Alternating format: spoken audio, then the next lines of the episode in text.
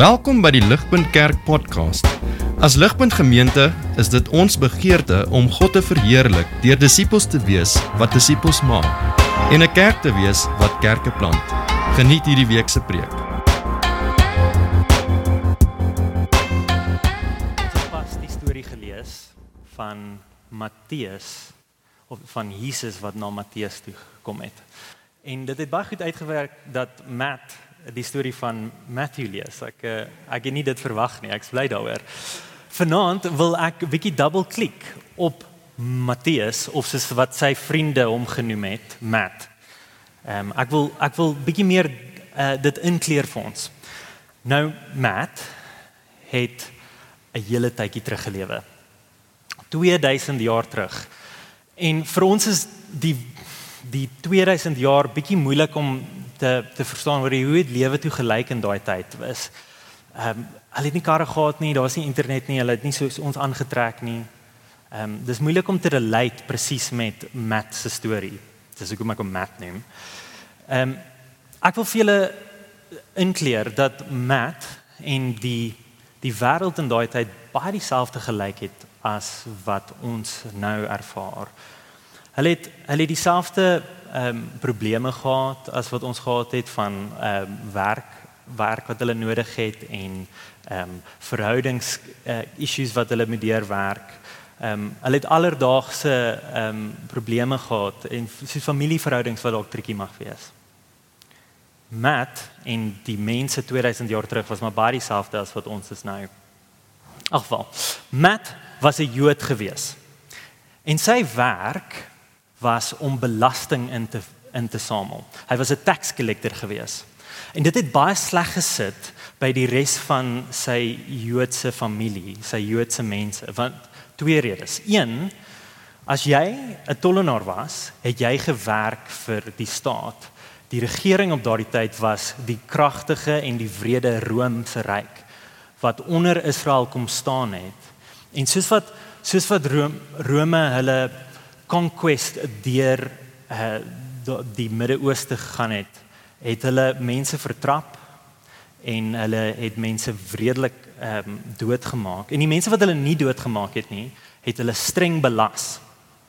En so as jy 'n tollenaar was, 'n Joodse tollenaar wat vir Rome gewerk het, is dit asof jy 'n selaat was. Jy het vir die vyand gewerk. Mense het jou nie gelike nie.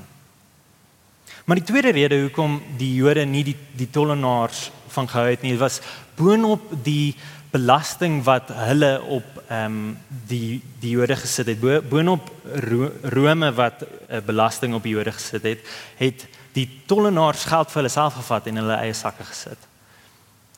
En so hulle het ryk geword deur ander mense te oppres. En so hierdie hierdie storie wat ons gelees het van Matt Hy was nie 'n goeie ou gewees nie. Hy was gebroke en hy was sondig, maar eintlik baie soos ons gewees in daardie sin. Hy het ook 'n identiteitskrisis gehad. Rome gebruik hom om om te employ, maar hy is nie 'n Romein 'n uh, Romeinse citizen nie. Hy word ge ehm um, oppresteer hulle. En sy sy mede-Jode hou niks van hom nie want hy werk vir vir die Romeine. Nou eendag soos gewoonlik gaan Matt na sy werk toe en hy sit by 'n cubicle. En daar kom 'n man na hom toe. 'n Leermeester met die naam Jesus. En die ontmoeting met hierdie man verander Matt se hele lewe. Ons het dit gesien. Die die identiteit en die karakter van hierdie man wat Matt ontmoet laat Matt sy ou lewe heeltemal net daar aan een kant los en hy volg vir Jesus. Ons het dit gelees, uh, vers 9. As Jesus passed on from there, he saw a man called Matthew sitting at the tax booth, and he said to him, "Follow me." And he rose and followed him. Matt se hele lewe het verander, soos wat Jesus vir hom daardie woorde gee. En so vanaand en in hierdie reeks wil ons kyk wat dit beteken as 'n gebroke sondaar soos Matt of soos ek en jy daardie woorde van Jesus hoor. soos wat ons Jesus se identiteit teekom. Wat leer ons van Jesus soos wat ons tyd spandeer met hom? En julle, dit is hoekom ons die reeks volg my genoem het. Die algemene woord wat vir mense gebruik word wat hulle wat wat agter Jesus aanloop, wat Jesus volg, is die naam Christen. Baie van ons ehm um, sal onsself identifiseer as as Christene. En dit is behulpsaam. Die Bybel gebruik self daai woord om mense wat Jesus te volg beskryf, Christene. Maar die woord in die Bybel wat heelwat meer gebruik word om hierdie hierdie ehm um, te beskryf is is die woord disipel. Ons is disippels van Jesus.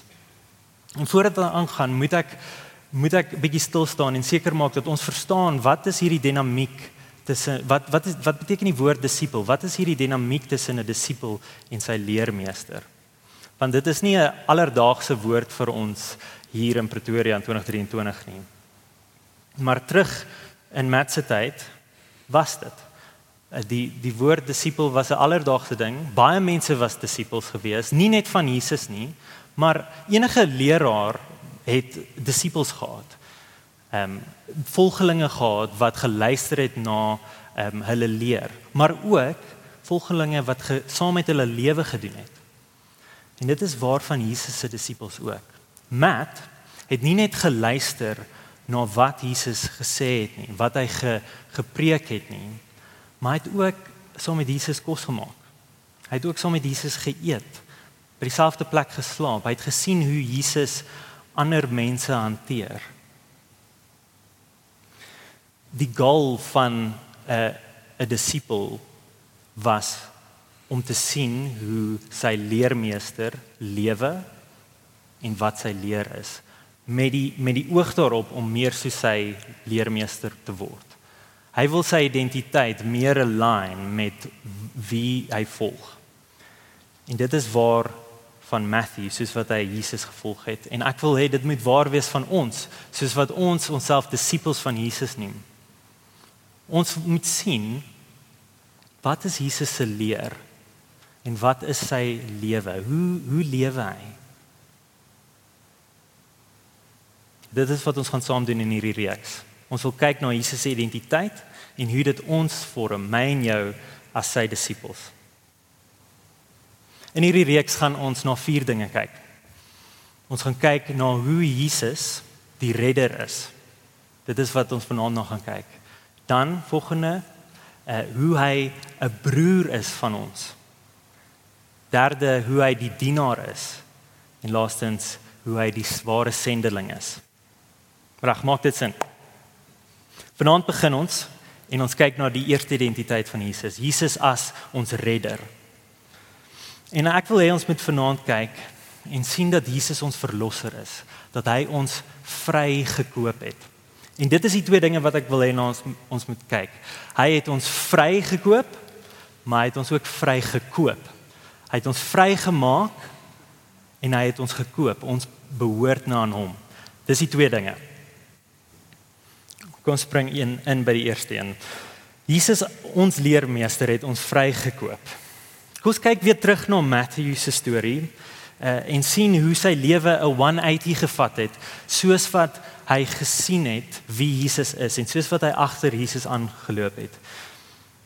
Ehm um, van vers 10 af. And Jesus reclined at table in in the house. Dit is nou Matt se huis. And behold, many tax collectors and sinners came and were reclining with Jesus and his disciples.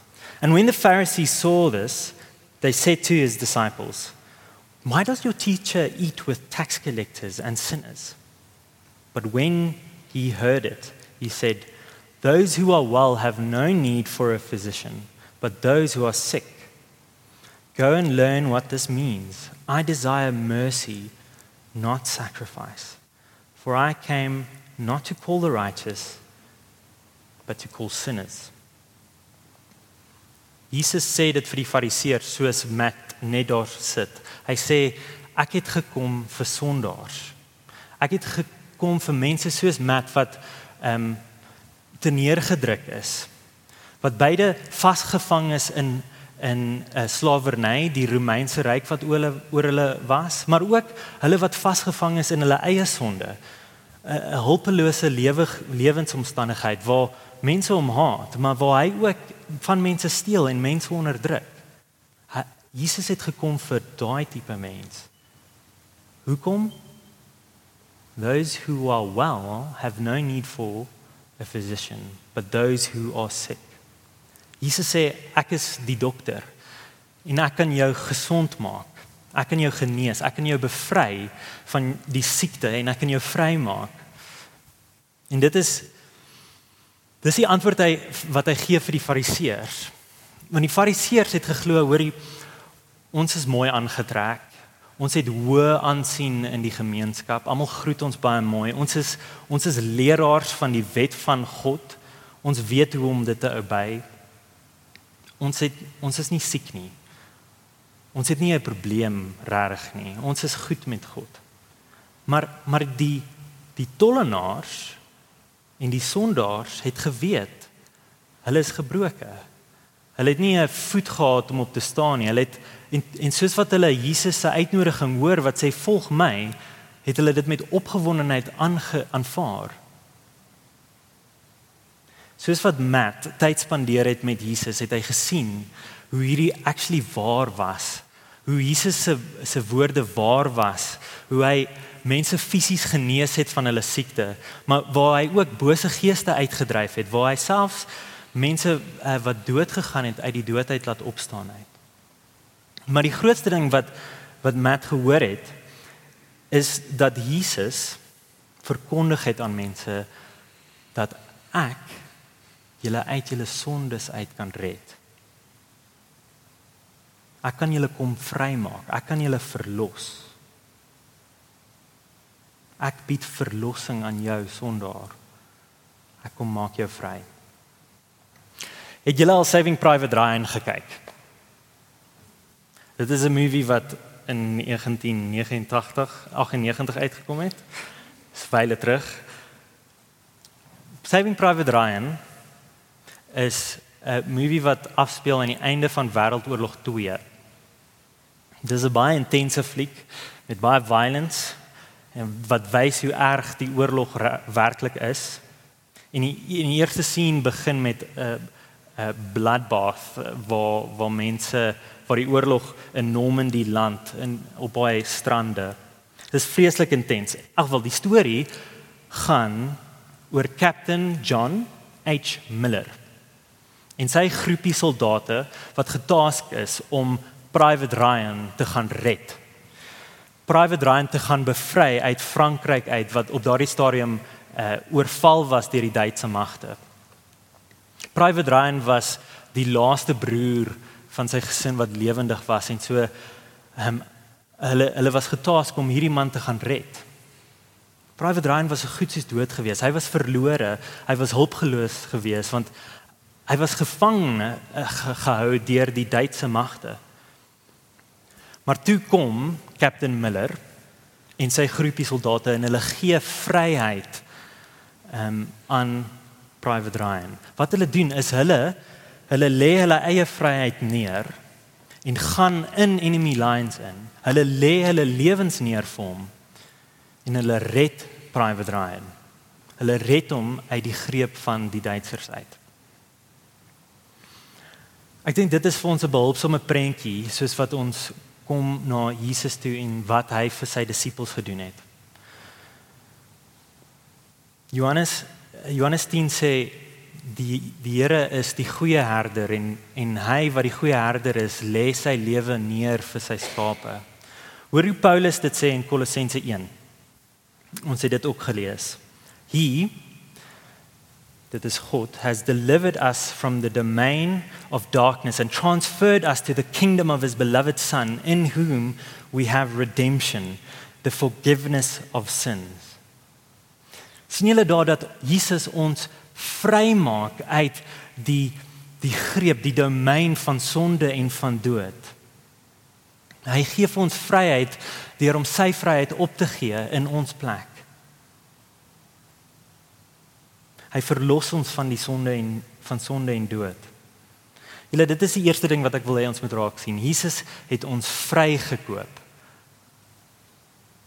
Maar hierdie is nie regtig goeie nuus vir ons as ons nie verstaan dat ons onderdruk is nie, dat ons verstaan dat ons in slawerny is nie.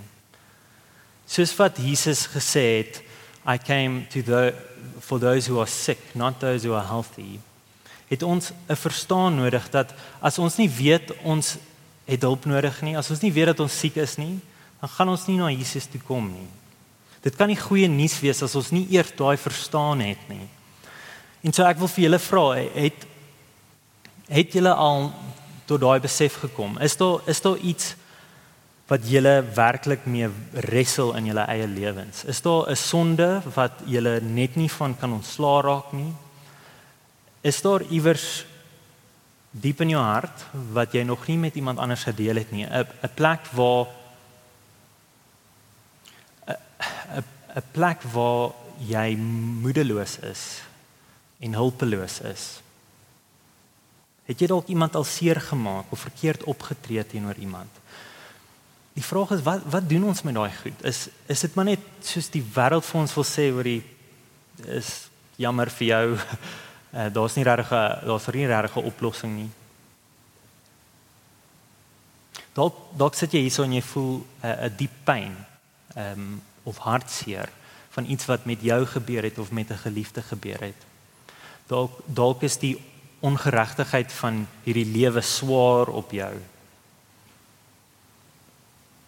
Weet jy waar jou hoop vandaan kom? Is daar hoop? Weereens voel dit vir my as die wêreld nie vir ons regtig 'n um, baie positiewe um, uitkoms bied nie. Ek wil hê ons moet sien dat as dit waar is van jou, kan jy na Jesus toe kom wat hoop bied. Hy hy bied genesing en hy bied verlossing vir jou. Omdat jou leermeester wat Jesus is, jou vrygekoop het, tel jou verlede nie meer teen jou nie. Matthew wat 'n traitor was, wat 'n tollenaar was wat sy eie mense onderdruk het, sy identiteit het verander soos wat hy na Jesus toe gekom het. Hy was nou nie meer Matthew die tollenaar nie. Hy's Matthew die disipel van Jesus. Jesus gee vir ons 'n nuwe identiteit soos wat ons uh, naam kom naam te kom en uh, agter hom aanloop. Daai sonde wat jou dalk ehm um, mag laat voel dat jy onwaardig is om 'n deel van hierdie kerk te wees of deel van God se mense te wees. Daai is die ding wat Jesus voor gesterf het wat hy sê oor die ek het jou kom bevry daarvan. Daai ding tel nie meer teen jou nie. Matthew se identiteit dokument as 'n uh, um, citizen van the realm of darkness is opgeskeur deur Jesus. Hy jy jy kan nie meer daar wees nie. Jy jy jy is nie meer 'n citizen nie. En dit dit beteken nie dat ons nie in die hier en nou voor Jesus terugkom nie gaan sukkel met sonde nie. Dit is 'n realiteit in ons almal se lewens tot in die dag wanneer Jesus terugkom en uh, sy heiligmaking in ons perfek uh, te werk te bring. Maar maar in die hier en nou is jy reeds vry. In die hier en nou is jy reeds vrygemaak van jou sonde. En Ek wil julle met julle oë toe maak en en dink aan Jesus se kruis. En daar het hy dood gegaan vir jou sonde. Daar het hy jou sonde teen die kruis vasgespijker. En sien hoe dit daar bly. Jou sonde tel nie meer teen jou nie. Dit bly daar.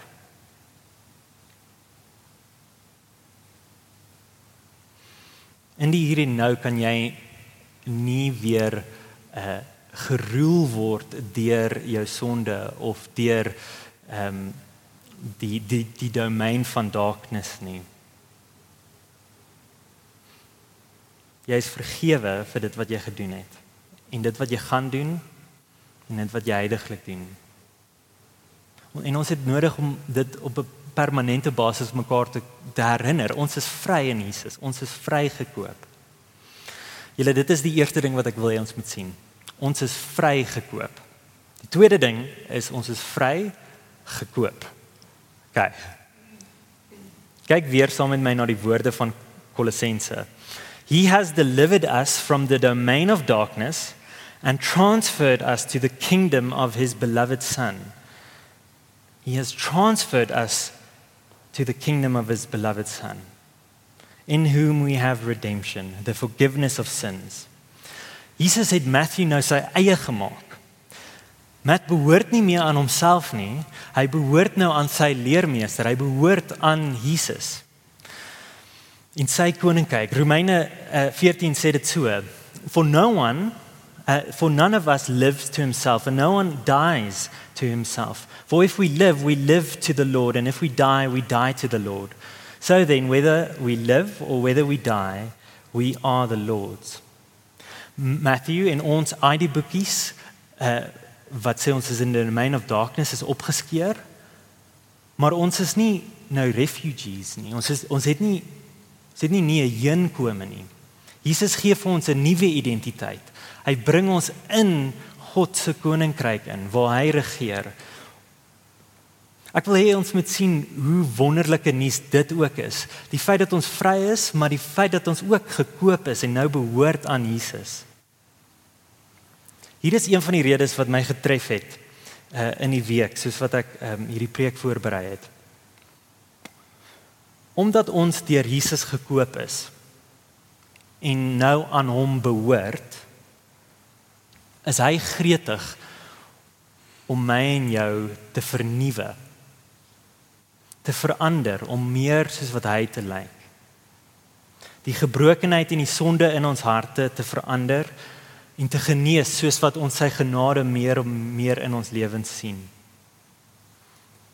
Hierdie is 'n hierdie is 'n storie wat ek teëgekom het en ek dink dit is baie van toepassing op ons veral hierso by aandiens wat elkeen van ons is meeste van ons is uh, eider pas uit die huis uit in 'n nuwe huis wat ons uh, hier of dalk is jy pas getroud en jy het nou saam met jou man of jou vrou in 'n nuwe huis ingetrek en daar's baie renovations wat gedoen moet word.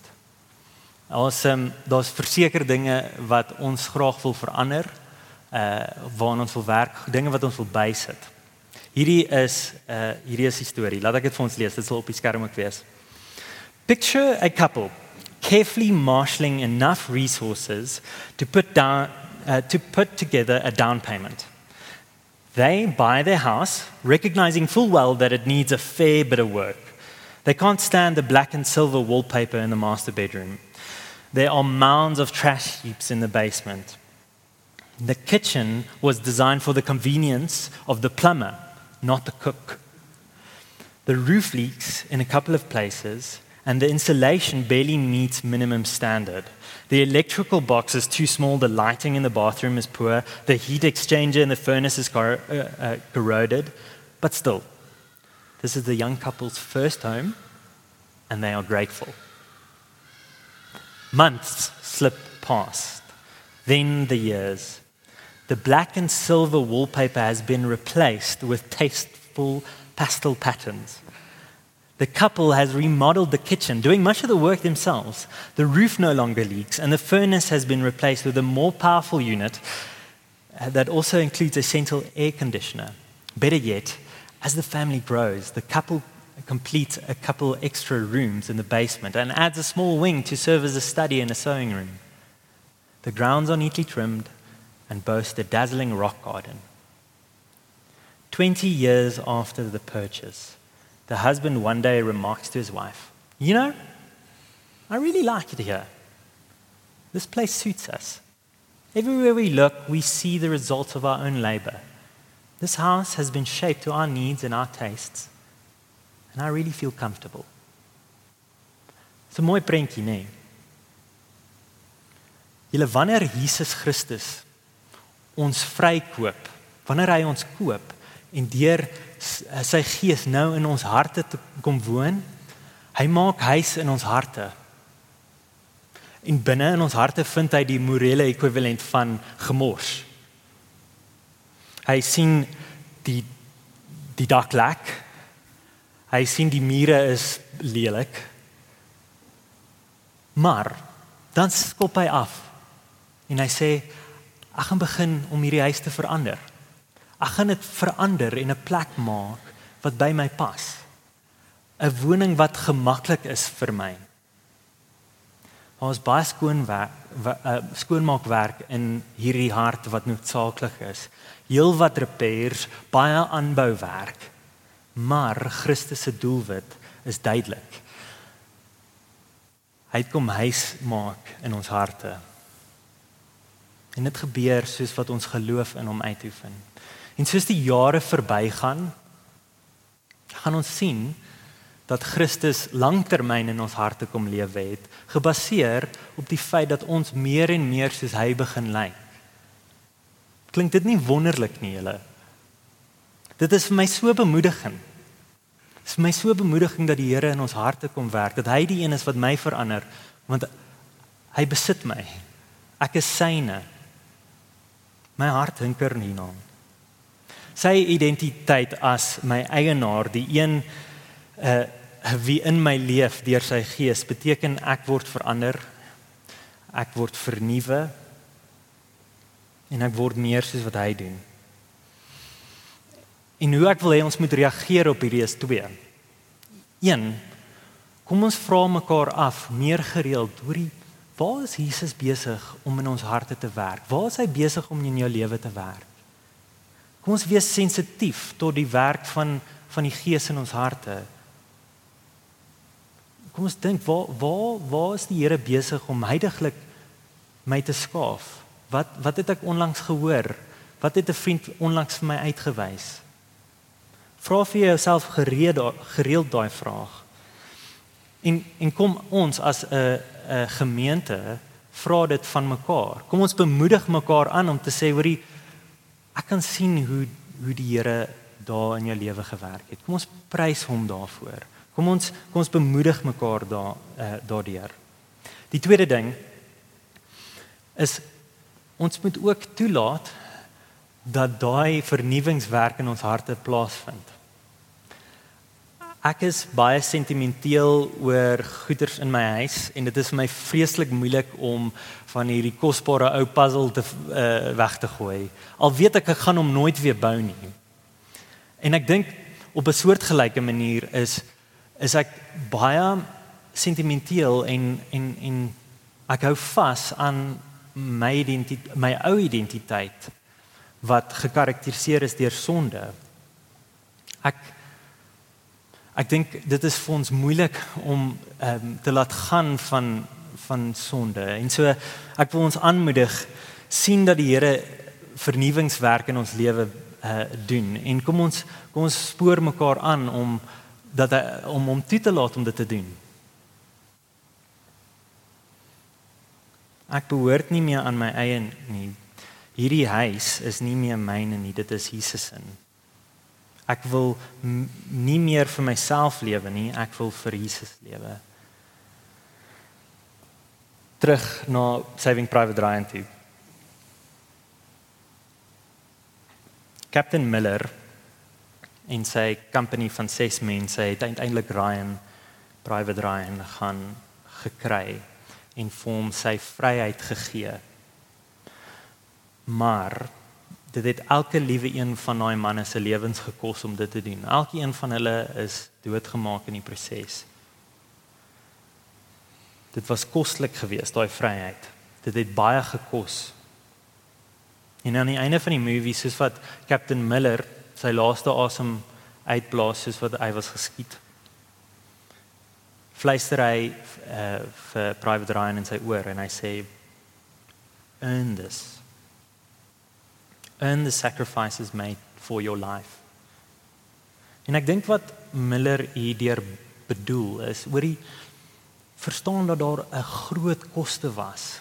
Daar was 'n groot koste betrokke om jou lewe te red. Moet nie dit nou mors nie.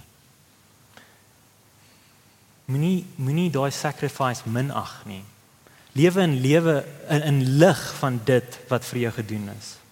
En en daar was iets daar treffend vir my gewees ehm um, van weer eens van Jesus wat sy lewe gegee het vir sy disippels. Nie in die feit dat hy nou sê hoor die Nou moet jy jou verlossing uh, terugwerk nie. Nou moet jy 'n uh, 'n uh, goeie morele lewe sodat jy net jy net hierdie dood wat ek vir jou ehm um, gegee het terugwerk nie. Die evangelie sê uh Jesus wat sy lewe neergelê het was 'n geskenk aan ons. Hy het dit vrylik en ehm um, hy het dit ehm um, on, onvoorwaardelik gedoen. Maar maar ek dink dit is waar in die sin van dit is onmoontlik om onverander te bly nadat jy gesien het wat Jesus gedoen het vir jou. Dit is onmoontlik om dan net maar aan te hou lewe soos wat jy gelewe het, asof niks verander het nie. Die dat Jesus vir ons gesterf het, behoort vir ons ehm um, uh, ons lewe heeltemal te verander om te sê hoor jy het my gekoop, ek lewe nou vir hom.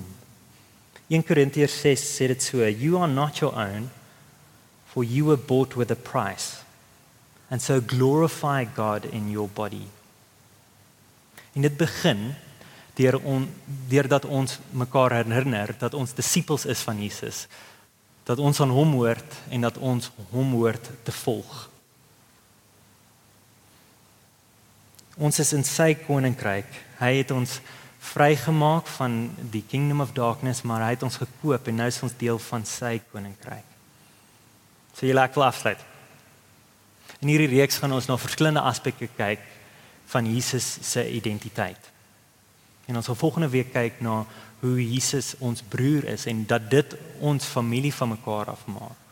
Maar vanaand en in die week wil ek regtig hê julle moet nadink oor Jesus wat wat sê volg my. En hoe hy dit begin doen het deur om ons vry te koop.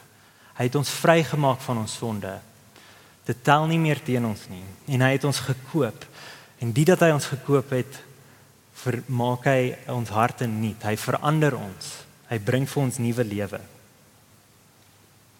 Ons kom ons fokus op dit. Jesus wat ons vry gekoop het. Kom ek bid vir ons. Ons Hemelse Vader, ons wil vir U dankie sê. Dankie vir U seun Jesus wat aan 'n kruis kom sterf het in ons plek.